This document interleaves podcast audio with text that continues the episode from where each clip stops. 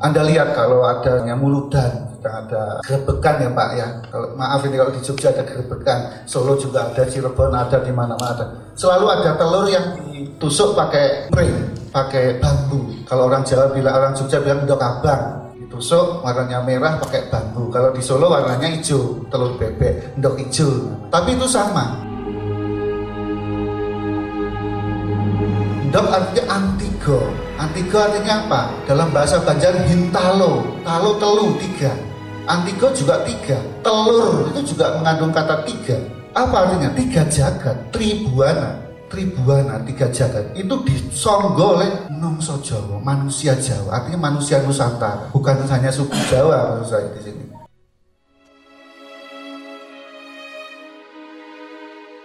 Disanggah dengan bambu Bambu dalam bahasa Jawanya pring.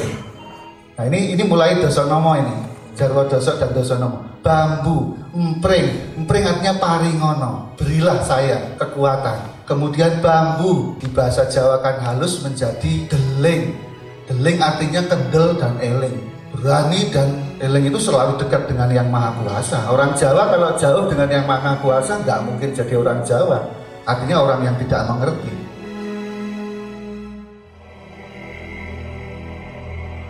Maka Tribuana itu disanggah oleh ratu-ratu tanah Jawa. Nama-nama nomenklatur ratu-ratu tanah Jawa itu enggak, enggak cuma lip service ya. Misalnya Hamengku Buwono, Mangku Buwono. Mundur lagi Paku Buwono, pakunya jagat. Hamengku negara, Paku negara, Paku alam, Mangku bumi, Hanyokro Kusumo.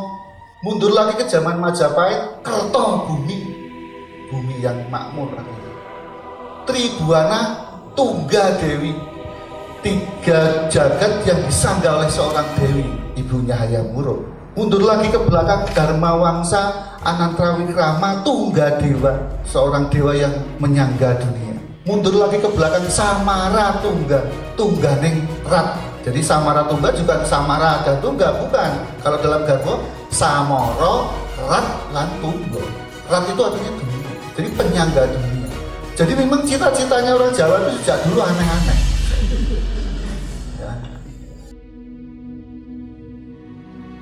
Jadi entah ini itu terlalu pede apa bagaimana saya juga nggak mengerti para leluhur itu kok seperti itu. Bahkan Eyang Sunan Kalijogo itu ketika tahun 1500-an itu pernah ngendikan, pernah bersabda bahwa siro kabeh wong Jawa engkau semua wahai orang Nusantara adalah kandaning buwono yang memberi nasihat kepada dunia. Kemelinti banget tuh ini apa namanya sok banget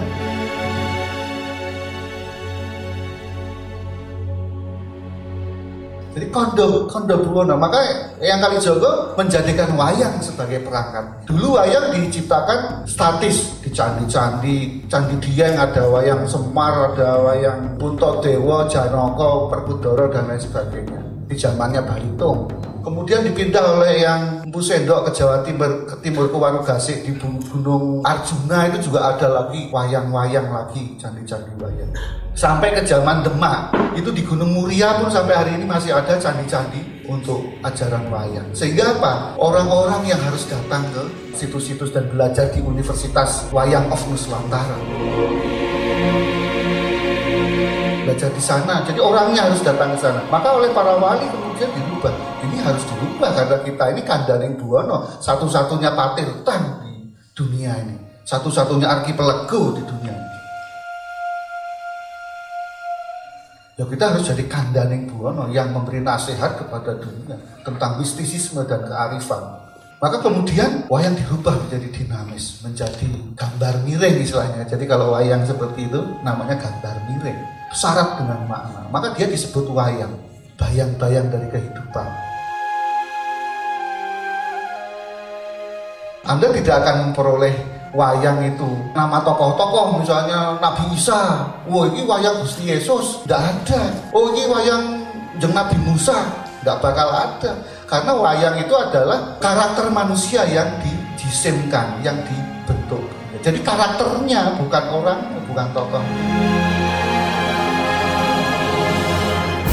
Jadi wayang ini memang karakter-karakter yang kemudian dijisimkan, yang dipersonifikasikan.